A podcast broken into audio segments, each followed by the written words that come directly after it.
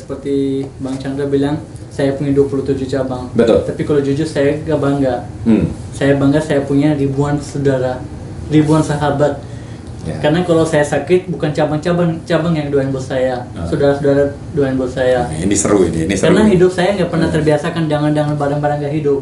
Ini HP barang-barang gak hidup. Hmm. Kita nggak boleh biasakan hidup dengan barang ini. Hmm. Kita harus biasakan hidup dengan teman-teman kita. Oh. Biar saling mendoakan gitu. Kamu nggak takut kalau kamu berbagi itu, apalagi kalau berbagi ilmu, kamu nggak takut ilmumu dicuri orang? Oke teman-teman coba perhatiin ya. Ya. Perhatiin ya. Ya.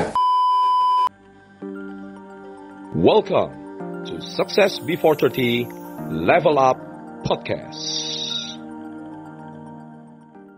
Sahabat entrepreneur, salam hebat luar biasa. Kali ini saya penampilannya sedikit berbeda. Saya pakai topinya orang Pakistan Kursinya, dan kursinya juga Pakistan. kursi kursi juga Pakistan. Dan kali ini saya memanggil tokoh Success Before 30 Eh, beliau kalau anda lihat di konten YouTube yang lain pasti sudah banyak ngevlog sama artis mampir ke toko beliau dan sekarang saya juga lagi bikin kontennya di toko beliau kita akan mengulik kisah beliau bagaimana menjadi seorang pengusaha karpet yang sangat luar biasa dan beliau orang Pakistan asli ya Betul sekali. made in Pakistan asli bukan KW-KW Betul. dan bukan kaleng-kaleng Tapi kalau sekarang kita saat ini kita lihat KTP saya asli Indonesia. Oh, nanti nanti kita lihat ya, kita kulik dan bagaimana ceritanya beliau, kisah beliau setelah yang satu ini.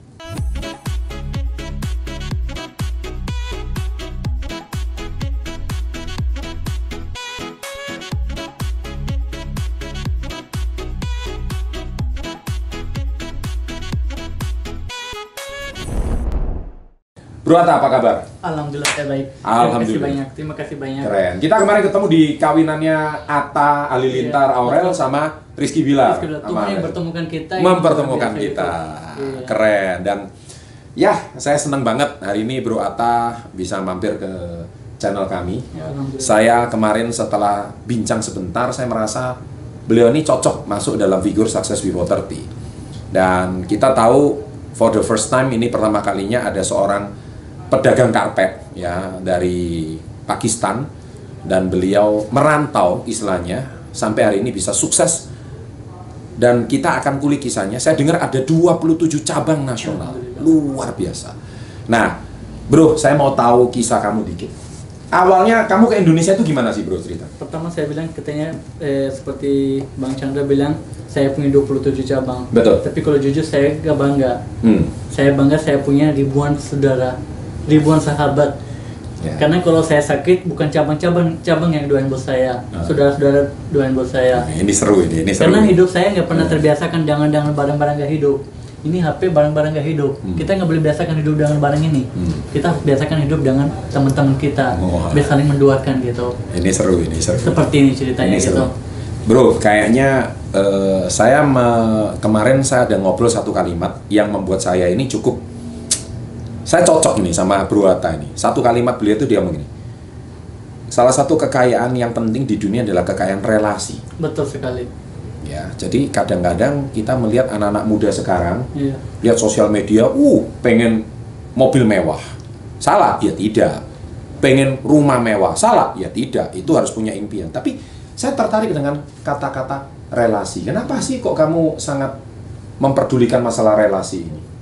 Pertama yang tadi bilang orang itu pamer mobil di Instagram, boleh kita pamer mobil nggak ada salahnya. Hmm. Tapi kalau bisa bikin konten se- sedikit aja 3 menit atau 2 menit, di situ jelaskan gimana caranya saya bisa dapat mobil ini. Hmm. Kasih tahu perjuangannya gitu, Hmm. biar orang lain nggak sakit hati. Betul. Jangan segampang aja posting saya punya Betul. mobil Tesla, saya punya mobil ini jangan. Iya. Kasih lihat berjuangnya, biar dia dapat semangatnya gitu. Dan saya kenapa fokus ke relasi, balik lagi ke cerita tadi. Saya yakin sahabat itu akan kalau dampingin kita, Hmm. kita nggak akan rasa susah gitu. Kita pasti ketawa terus. Uang nggak bisa bikin bahagia, Hmm. itu malah bikin pusing. Hmm. Di dompet kita yang ada uang, kita aduh beli apa ya makan hari ini. Hmm. Tapi kalau punya teman, tos-tos, ketawa-ketawa, tinggal bilang mau makan apa, udah siap selesai. Itulah. Ini fokus unik. ke aja. Unik-unik prinsip hidupnya ya. Fokus ke relasi Nah, aja. bro, kembali ke cerita awal kamu itu bisa datang ke Indonesia. Oke. Kamu bisa bahasa Indonesia nggak sih awalnya? Waktu saya pertama kali ke Indonesia, saya tidak bisa bahasa Indonesia, saya tidak pintar dagang, tapi saya punya pikiran dagang gitu. Awal saya ke Indonesia, saya tidak bisa bahasa Indonesia. Waktu saya kurang lebih udah satu setengah tahun di Indonesia, saya tetap masih belajar bahasa. Usia berapa? Usia berapa? 15 tahun. Gila. belum Usia tumbuh ini 15 belum tahun. tumbuh ini Belum tumbuh lah. Waktu itu belum tumbuh ini. Ya, tapi yang di bawah sudah tumbuh ya. oh itu saya. Lu bawa Jangan sini. serius, guys. sini sini maksudnya bawa sini Wah, bahas itu. Iya dong. salah paham. Heeh. nggak boleh salah paham Nggak boleh salah paham. positif aja pikiran positif gitu Oke, terus saya mau nanya. Waktu itu 15 tahun, berarti kamu dibawa sendiri sama atau sama ayah ya? sama saya datang di Indonesia sama ayah saya udah lebih dulu di sini Iya, iya, terus iya. ibu saya bilang sama saya Guys, stay tune ya, karena nanti saya akan tampilkan figur ayahnya di akhir episode ini. Iya, pasti, itu luar biasa, saya sangat salut sama beliau. Tapi nggak apa-apa, kita dengar dari sisinya Atta. Insya Allah. Jadi gini, waktu awal-awal saya masih belajar bahasa Indonesia, Hmm, hmm. saya pernah Sulit nggak sih belajar bahasa Indonesia awalnya? Sulit sih nggak, tapi belajar-belajar aja. Saya pernah kejadian gini. Hmm. Aku kan awal-awal makannya nasi padang. Terus staff saya nanya, Pak mau pakai ayam goreng atau ayam bakar? ayam goreng atau ayam Tapi kalau saya bilang ayam goreng dia senang, karena belinya tinggal sebelah. Ah. Tapi kalau bilang mau pakai ayam bakar dia belinya agak jauh. Oh. Langsung dia cemberut. Hmm. Terus suatu saat dia bilang sama saya, Pak di sebelah kebakaran gitu. saya bilang, Alhamdulillah senang banget. karena, karena karena aku mikir di sebelah udah mulai jalan bakar. Eh. Duh, salah paham. Udah gitu dia bilang, ah bapak kenapa senang? Saya bilang, ya saya senang banget Alhamdulillah. Dia marah-marah, dia turun gitu. Ah. Saya turun juga, saya lihat toko sebelah kebakaran. Saya bilang, masih turun bakar ya? Iya tadi bapak bilang Alhamdulillah senang banget gitu. Saya bilang, maaf saya pikir di sebelah udah mulai jalan bakar. Namanya juga masih belajar. Orang kebakaran, alhamdulillah. Iya, jadi kayak gitu Iya, iya, sering iya. banget kejadian lucu-lucu Hmm, gitu. hmm, hmm, hmm. Tapi sekarang alhamdulillah udah bisa lumayan sih Keren.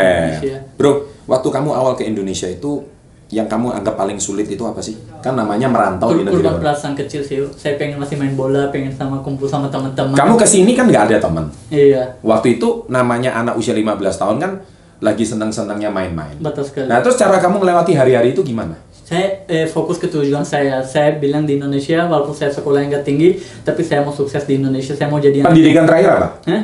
SMP kelas 1. Gila, guys. Tapi menurut saya sih sekolah sih nggak jamin sih. Bukan saya menjasar ya, sekolah nggak jamin gitu. Itu saya selalu bilang di channel saya, Iya. sekolah itu penting, Iya. tapi tidak cukup. Tidak cukup dan tidak jamin kita bisa sukses. Nah, tuh tuh dengar. Apalagi Iya. ini syarat untuk mau jadi pedagang yang sukses ya. Iya. Dan SMP kelas 1 kamu istilahnya kan gini ya. Kan kamu punya temen nih di Oh, Pakistan. iya. Waktu kamu merantau ke sini ngikuti ayah kamu. Baik. Zaman dulu kan nggak ada sosmed Nggak kan. ada, nggak ada. Bagaimana kamu berhubungan sama teman-teman kamu di Pakistan? Kan namanya rindu ya kan? Tapi eh, kan saya tinggalnya di kampung ya, bukan kota yang eh, ibu kota ya. Betul. Kota Jadi- apa? Kota apa di Iya, Pakistan? ada namanya Sargoda gitu. tempat- Sargoda. Sargoda. Kalau ibu kota Pakistan itu apa? Islamabad. Islamabad. Saya tinggal di Sargoda di situ nggak begitu orang baik. Berapa jam dari Islamabad? Eh, tiga jam lah. Tiga jam. Tiga ya? jam. Naik naik bus. Mobil naik, mobil naik. Oke, naik, terus, terus? bisa. Jadi nggak begitu ada sosmed, tapi aku pakai sosmed gitu. Ya, saya pakai Facebook. Dari situ saya cari. Oh Facebook waktu itu sudah ada ya? Percaya nggak? Saya pertama kali ketemu Pak Jokowi itu dari Facebook. Tapi orang kalau biasa dengar, hah? Masa ketemu Pak Jokowi dari Facebook? Emang Pak Jokowi pakai Facebook? Pak Jokowi ada waktu untuk main ketik begini?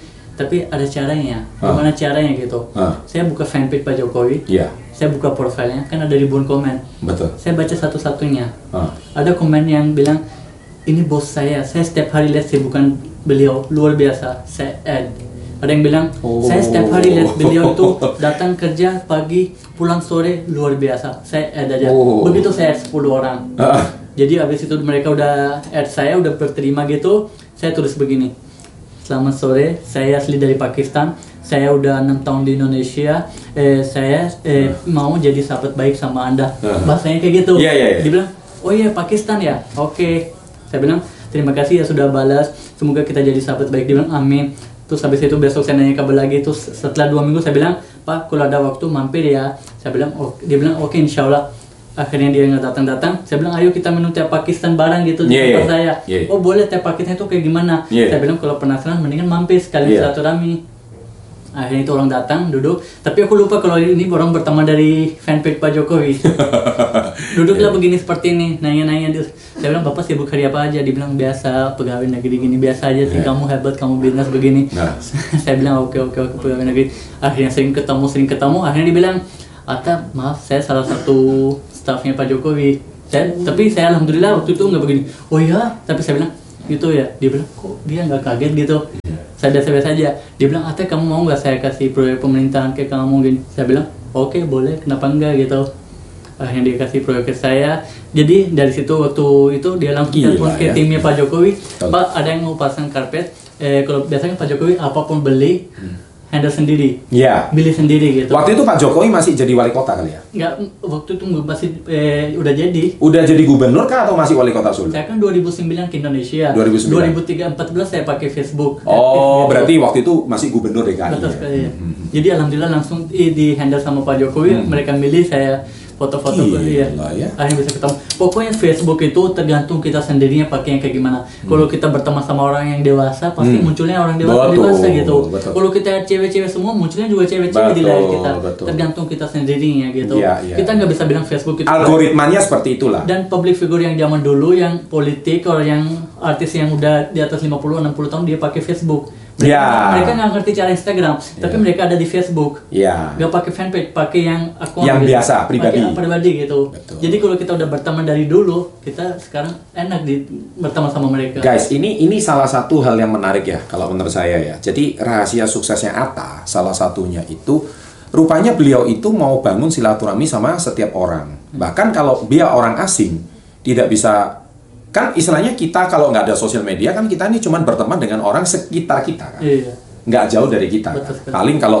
kalau kita dulu kuliah SMA, SMP itu kan paling ya teman-teman SMP kita. Betul, iya. Tapi dengan sosial media kita itu bisa membangun relasi tak terbatas. Betul sekali. Bahkan kamu bisa dapat stafnya Pak Jokowi sampai Betul Pak sekali. Jokowi waktu zaman gubernur bisa memberikan proyek karpetnya Betul sama. sekali. Tapi maaf, banyak banget anak-anak yang bilang Hmm. kita nggak dapet teman-teman, nggak dapat relasi di Instagram, nggak mungkin dapat. Postingan aja 18, Hmm, akunnya di private, betul. nggak mau follow orang. Hmm, Eh, Temannya milih-milih, postingnya tep- eh, yang bagus-bagus betul, aja. betul.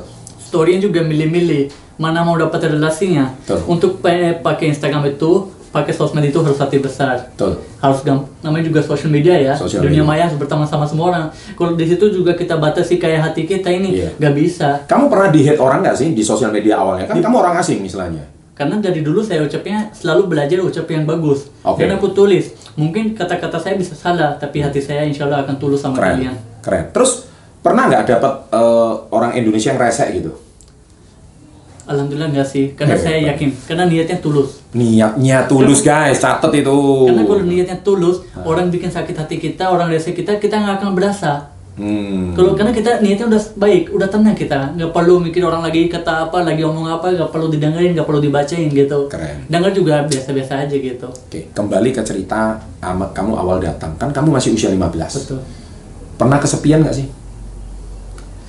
Eh, Kita fair, jujur. Namanya pernah sih, pernah remaja, sih, kan? Pernah sih, tapi kalau cuma ingat ibu aja.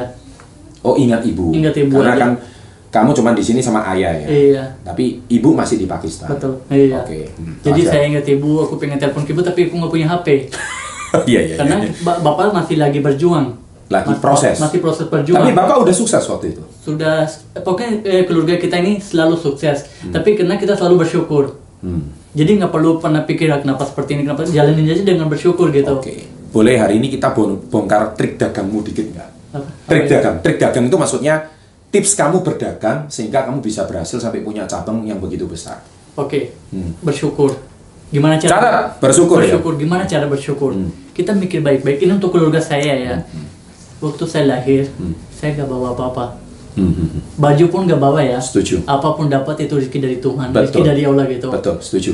Kecuali kalau saya lahir saya bawa emas 10 kilo, bawa berlian, saya nggak bawa apa-apa. Setuju. Apa pun dapat itu rezeki saya. Iya. Kita syukuri aja. Setuju. Yang kedua, saya dari keluarga yang sederhana. Hmm. Saya kalau saat ini saya agak dikit turun, saya nggak masalah karena saya pernah lihat rasa itu. Hmm. Kecuali kalau saya lahir di keluarga yang kaya raya, Hmm. saya lahir yang ada di rumah yang orang sederhana. Betul. Jadi saya nggak pernah ada rasa kenapa seperti ini, kenapa seperti ini. Setuju. Jalanin aja dengan bersyukur. Setuju. Inilah cara bersyukurnya gitu. Hmm. Oke. Tadi saya sempat sebelum konten ini dibuat, saya ini sempat ngobrol sama ayah beliau. Saya itu punya kesan yang mendalam sama ayah beliau. Eh, salah satu hal yang saya pengen bongkar, apalagi kan zaman sekarang kalau bisnis semakin besar kan harus disupport dengan ilmu manajemen yang bagus. Iya.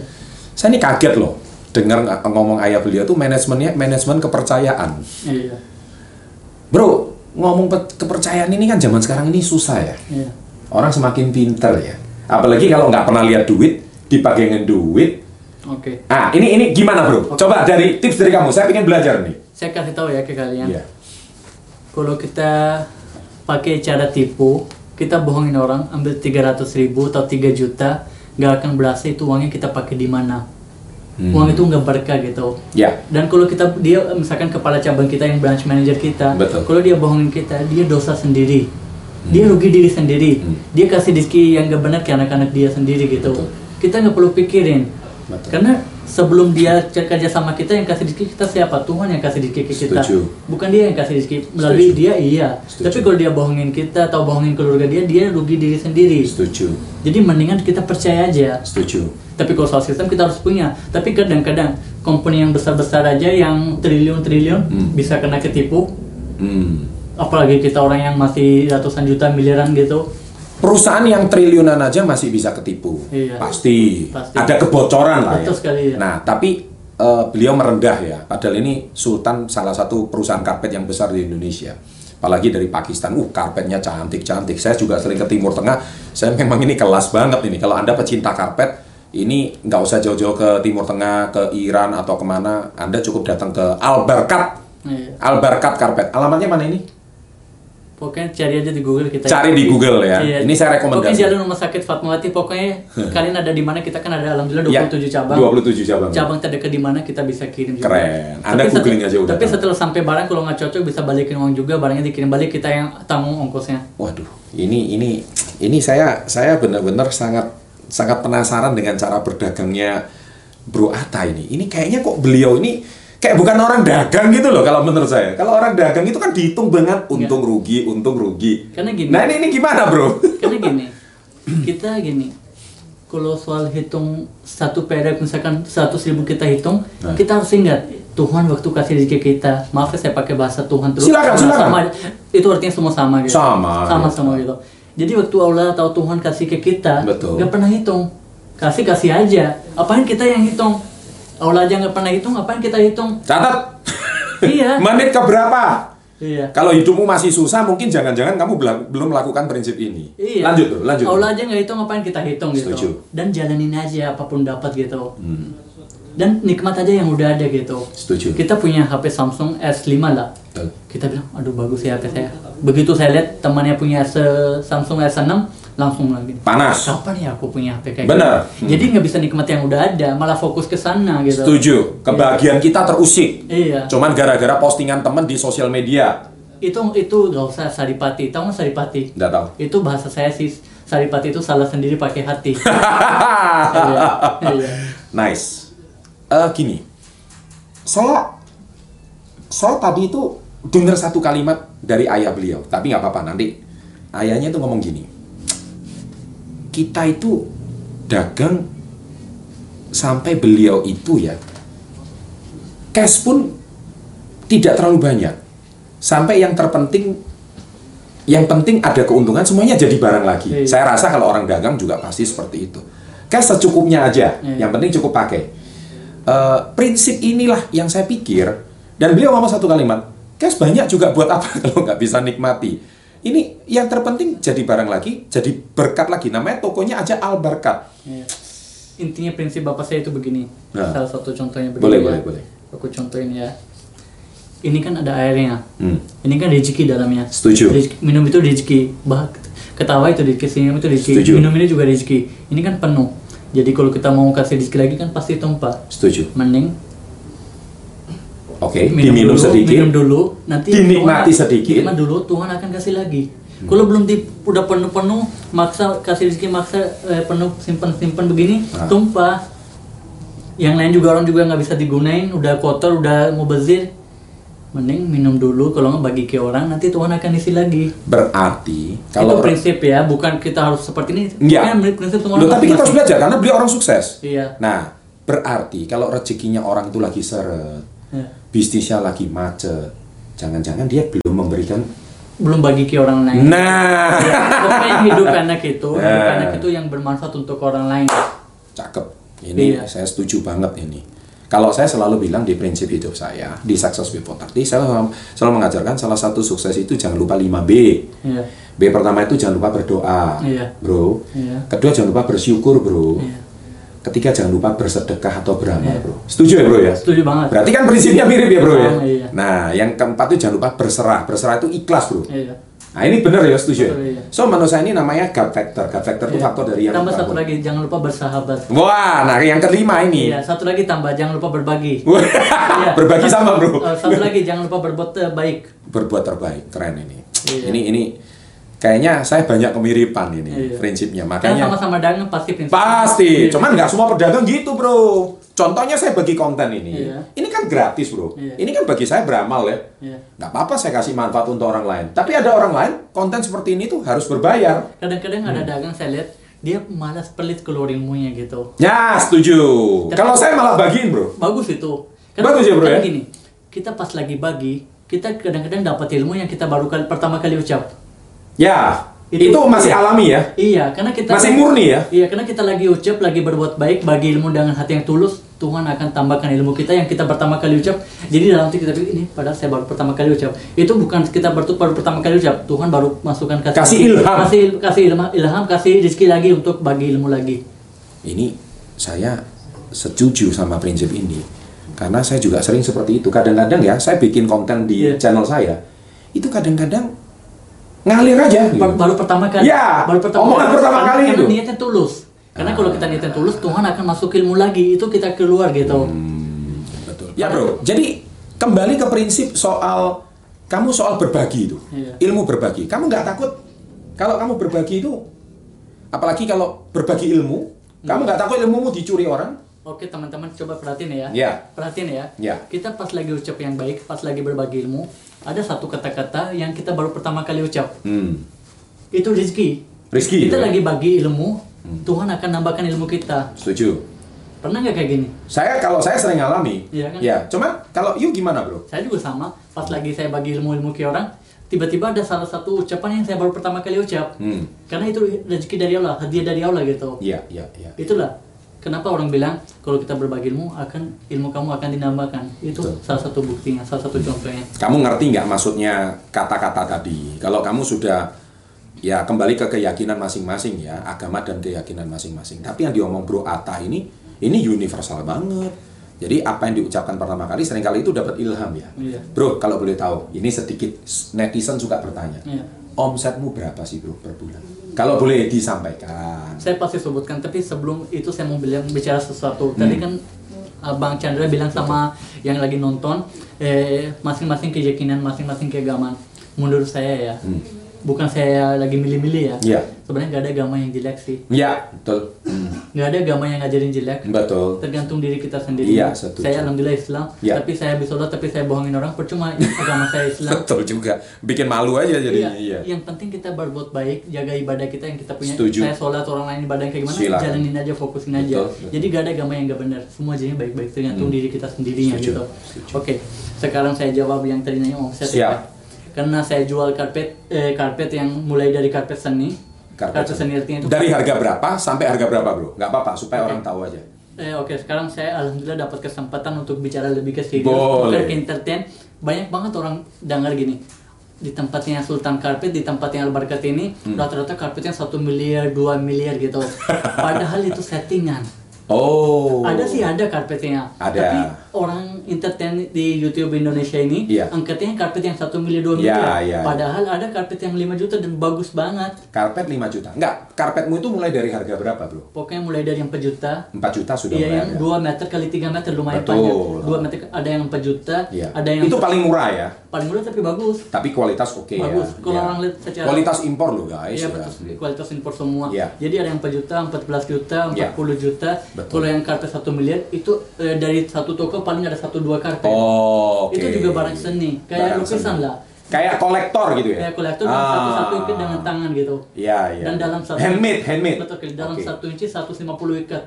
Dalam satu inci 150 ikat. Kayak Indonesia mungkin batik ya. Batik Batik seni itu kayak batik tulis juga ya. Itu kan harganya spesial juga Iya. ya. Ya, setuju. Iya. Nah, terus terus eh, kalau kita bicara omset ya, kita nggak usah ngomong kan namanya bisnis kan dagang penjualan juga naik turun. Betul. Kita ngomong average aja, rata-rata kurang lebih berapa? Jadi nggak tentu sih. Per bulan. Kadang 100 juta, kadang 200 juta Satu toko. satu toko. Hmm, itu Tapi- omset ya. Betul sekali. Bukan bukan penghasilan bersih ya. Bukan bukan omset Oke, aja omset, omset. aja gitu. Mhm. Kalau bersih amin amin. Iya. Tapi kali 27 cabang ya lumayan guys. Jangan pakai kalkulator, kita nggak boleh hitung-hitung jalanin aja. Wah, keren. Seperti tadi jangan dihitung gitu. Keren, keren, keren. Karena ulah waktu kasih ke saya 200 juta per bulan nggak dihitung kan. Oh. Masa Tuhan lagi begini-begini, ini buat kamu, gini-gini kasih kayak begini kan nggak mungkin. Hebat Jadi sih. kita jalanin aja dan Hebat, pokoknya bersyukur aja lah gitu. Hebat. Kita harus tahu diri kita kayak gimana gitu. Betul, betul. Dulu kita kayak gimana kan gini, saya aja contoh saya ya. Hmm. Waktu kita satu toko, kita tetap jalanin. Sekarang 27 toko tetap jalanin. Iya.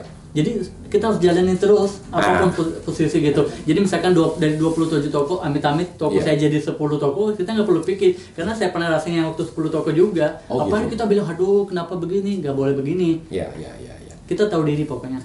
Berarti ini namanya manajemen kepercayaan. Memang kalau kita lihat ilmu modern sekarang sepertinya memang masih tradisional. Tapi satu hal ilmu modern pun tidak bisa tiru adalah trust. Iya, Secanggih apa pun sistem. iya, Tapi kalau no trust, iya, tetap ada kecolongan. betul sekali. Tetap ada kebobolan. Iya, Tapi ilmu trust ini kan everlasting, maksudnya abadi. Iya. Mau dari zaman nenek moyang Apa? sampai kapan pun, sampai kita kiamat pun, iya. trust itu yang nomor satu kan? Karena kalau orang nggak terus nggak percaya, Heeh. punya bisnis triliunan, tapi kalau nggak percaya, bos sendiri yang datengin ke kantor-kantor, eh lagi apain, lagi apain, bikin capek diri sendiri. Setuju sih, saya setuju banget. Saya jalanin setuju. aja gitu percaya aja banget. gitu bikin capek diri sendiri kalau satu-satu dicek gitu Bro, ini boleh dijawab, boleh tidak. Kalau mau jawab ya silahkan, karena ini kan na- namanya berbagi ilmu. insya Allah hati saya bersih dan tulus saya pasti jawab Keren. saya pasti jawab Ini ini orang luar biasa menurut saya.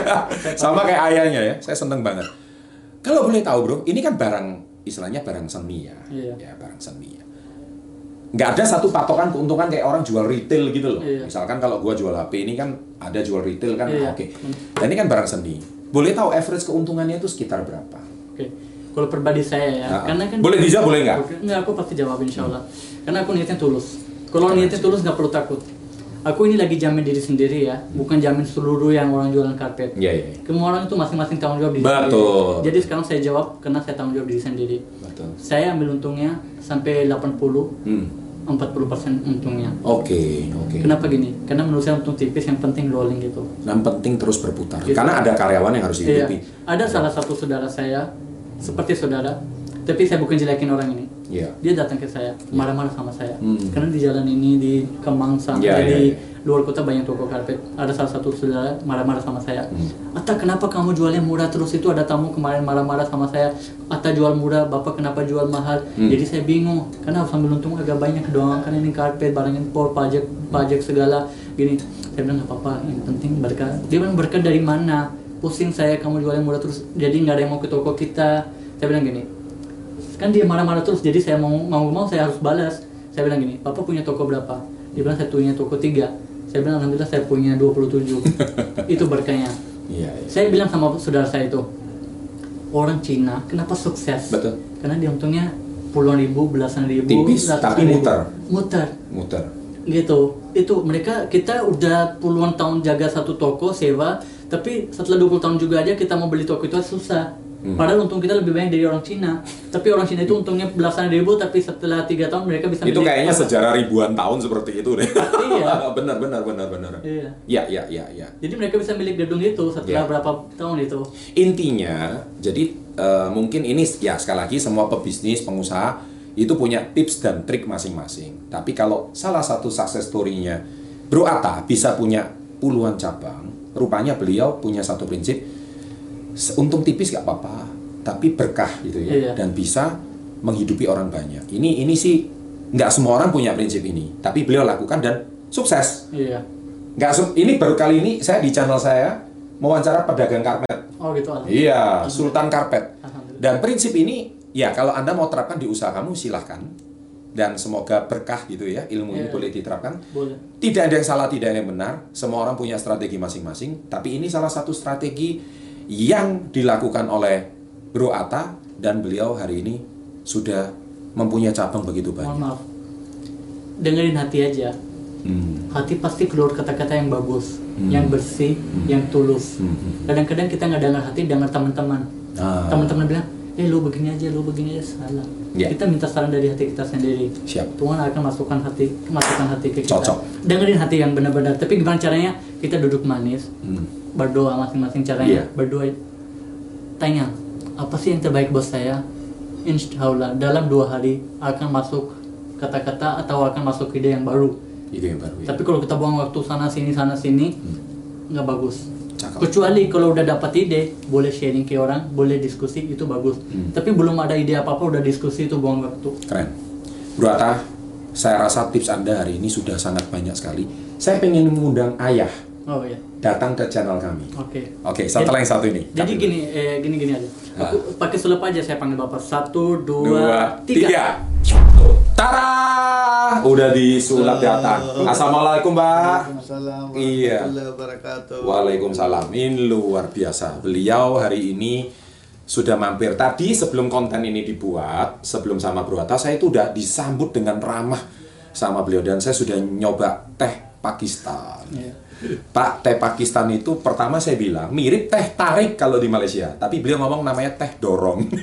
Jadi ada tarik, ada dorong. Bercanda itu. Bercanda. Nah, gini, maksudnya gini, kalau teh tarik kan begini dong, teh ada tarik. Betul, betul. Teh ada orang ini sulap. Iya. Pak, saya tuh pengen diskusi kita tadi. Ini kisahnya guys, jadi ceritanya Bro Atta ini di balik kisah suksesnya Bro Atta itu ada seorang ayah yang hebat. Dan saya tadi dengar Pak ya, kisahnya Bapak itu Bapak itu kan asalnya merantau Pak dari Pakistan. Merantau. Saya dengar kisah beliau. Nah, ini saya sampaikan aja supaya dipercepat. Rupanya beliau itu dulu seorang karyawan di Pakistan. Kalau boleh tahu itu karyawan di bidang apa, Pak? Eh, perusahaan eh, Swasta, swasta atau Swasta, atau swasta, BUMN? Swasta. Swasta ya. Swasta. Bapak sebagai apa waktu itu? Eh, storekeeper. Wih, seorang penjaga gudang. Dan beliau ditawarkan sama saudaranya untuk merantau ke Indonesia jualan karpet gitu, Pak ya. So, Wih, hebat. Pak, waktu itu perasaan Bapak maju mundur maju mundur ya. Mau atau enggak gitu ya. karena statusnya kan waktu itu kan untuk saya secukup aja alhamdulillah. Iya. Anak udah sekolah, Betul. rumah dapat dari perusahaan. Betul. Jadi nikmati Hidupnya apa udah aman lah udah ya. aman lah, gak masalah. Betul. Jadi kadang-kadang kita takut kita udah s- 12 tahun udah sampai begini. Kalau depannya kalau Nggak pasti. Ya, kan nggak pasti. Iya, Saya udah ngomong sama istri. Betul. Bisa lebih bagus dari ini, bisa dijatuh Iya. di bawah ini. Betul. Gimana itu Gimana ceritanya? sih? Tapi kalau kita nggak mau ambil resiko, nggak bisa maju. Itulah entrepreneur. Harus kita ambil resiko ini. Itulah pengusaha, berani ambil risiko. Risiko. Pak, Bapak mikirnya berapa lama, Pak? Bapak shifting atau berpindah dari seorang karyawan untuk merantau menjadi pengusaha itu berapa lama? Hanya karena ini kan diskusi sama keluarga ada yang boleh ada yang ngapain buat apa Hmm. Betul. gitu jadi tinggalin keluarga tinggalin negara Iya. ke sana ada susah ada apa jadi ada resikonya saya bilang kalau mau sesuatu bikin lebih bagus buat keluarga buat anak-anak harus kita berjuang keras harus Hmm. kita ambil resiko Ya, betul. Waktu itu berapa lama? yang penting niat kita baik Niatnya baik ya. mau kurbanin diri Ya, kurbanin diri lah tinggalin anak-anak tinggalin Betul. istri tinggalin Betul. adik-adik tinggalin ayah mama jadi kan kurbanin diri betul, betul. udah ke sini tapi niat Bapak merantau seorang diri waktu itu ya? sendiri Dari Pakistan ke Jakarta seorang diri ya? sendiri Nah, itu Bapak memutuskan, ya, saya mau jualan karpet, saya mau merantau. Itu berapa lama? karena gitu? keluarga setelah saudara saya sepupu itu dia emang bisnisnya karpet Ya, ya, ya. Bapak Jadi diajak dia Mas mau Pupu. ikut gitu jadi kita Ya. jalanin Oke. jadi oke saya pokoknya bilang sandaran ada lah gitu Ya, jadi ya, ikut ya. sama dia gitu Iya, iya, iya. Ya. bukan datang sendiri tuh gak ada apa-apanya jadi betul, betul. ada inilah ada supportnya dari Jadi Bapak coba-coba itu Coba. awalnya. Oke. jadi saya cuti dari kantor dari perusahaan sampai satu tahun tanpa gaji Satu tahun tanpa gaji untuk, jadi istilahnya kalau bisnisnya nggak berhasil, pulang masih ada pekerjaan. Nah, itu juga boleh dipertimbangkan. Jadi, tapi nggak digaji, jangan minta gaji Nggak. terus. Kamu nggak kerja, minta gaji Iya. terus, gimana gitu ceritanya. Jadi testing ya. Tapi rupanya setahun itu memutuskan Bapak, oke, saya mau jadi pedagang Iya, karpet. saya kirim resign bahwa saya udah oke saya di sini Keren. Pak, itu tahun 93 ya saya di sembilan tiga ke sini Gila. Waktu- Tanpa bisa bahasa Indonesia sama sekali. tidak bisa Waktu saya enam bulan bapak udah merantau. Jadi waktu itu bro, kamu itu masih enam bulan. Enam bulan. Dan Bapak juga termasuk tokoh Success Before 30 era tahun 90-an. Karena gini loh ya, sukses itu juga salah satunya berani keluar dari zona nyaman kita. Iya. Untuk kita berani ke sesuatu yang baru karena itu gaji sudah ada, rumah sudah ada, penghasilan sudah ada. Ngapain kan meninggalkan semua kenyamanan itu kan? Nah, ini yang juga menjadi sebuah kegalauan bagi para penonton kita yang mana mereka ini juga pengen jadi pengusaha tapi maju mundur, maju mundur, maju mundur. Ya bisa, harus kita fokus saja apa yang kita mau. Mhm. Kita fokus saja kita berhasil. Hmm. Kalau kita maju mundur, hari ini jalanin ini Hmm. kurang ya. Hmm. Ini tinggalin ambil di bisnis ini, Hmm. ambil bisnis ini, ini nggak sampai-sampai. Betul. Kita jalan aja lurus, Hmm. fokus aja, Ya. pasti kita sampai tujuan. Dan pertama kalinya saya berhasil menculik bapaknya Atta di YouTube Indonesia. Oh iya. Betul kan? Tahu nggak ini pak? Wah iya. Terima Gaul juga ini bapaknya ya. Saya seneng loh ngobrol sama beliau. Waduh, dan saya yakin hari ini Kita harus senang-senang lah gitu. seneng-seneng ya. Beliau ini orang yang bijak. Kata-kata yang tadi disampaikan Bro Atta itu rupanya prinsipnya beliau dapat banyak dari ayah beliau. Emang kakeknya juga seperti itu pak prinsipnya pak? Kakek saya, ayah saya emang sifatnya emang gitu. Ini top, top banget ini ya. Pak, terima kasih banyak loh ya. Bapak yang terima kasih. sudah mampir ke channel kita. waktunya. Iya harus dong pak. Ke sini. Karena kita menginspirasi orang Iya. Indonesia. Penonton kita ini 190 negara. Iya. Tapi yang mengerti bahasa Indonesia 190. Jadi bapak ini didengarkan orang 190 negara. Bapak langsung terkenal. ini benar. Yang kepengen Ya, bisnis, Alhamdulillah. yang pengen alhamdulillah, pengen tahu hidupnya mau maju, pengen sukses usia muda. Dan bapak kan pernah muda juga. Jadi yang kan. penting Hmm. kita jangan pikir kita mau jadi kaya. Hmm. Kita berjuang keras untuk keluarga, untuk anak dengan ikhlas. Hmm. Apa yang pegang dijalanin aja, Hmm. insya Allah bisa berhasil. Catat itu guys. asal yakin, Hmm. jujur, ikhlas, Hmm. nikmati hidup aja. Apa Jujur, adanya. Seringkali kalau kita Eh. pengen kaya, akhirnya kita melupakan bermanfaat untuk orang lain ya, memanfaat Jangan, untuk diri jangan, sendiri aja ya. iya. Kalau saya sih udah bilang sama dia, kalau Oh. mau cari rezeki buat diri sendiri, Tuhan kasih apa yang nasib kamu. Oh. Kalau yang mau Mikir untuk orang lain. untuk orang lain, Mikir orang lain. Tuhan kasih tambah tambah tambah karena malu Diberikan banyak. rezeki yang lebih. Ini Karena untuk itu kita, korbannya. kita kan sendiri gak bisa jalan. Kita pikir untuk orang lain juga, Cocok. untuk pegawai juga. Cocok ini, ilmunya cocok ini. Sama kayak channel Success Before 30. Channel yang ditujukan untuk bermanfaat bagi hidup orang banyak. Iya, Alhamdulillah, amin. amin. Alhamdulillah Pak ya. Baik, terima kasih guys. Saya berhasil menculik ayahnya Bro Atta.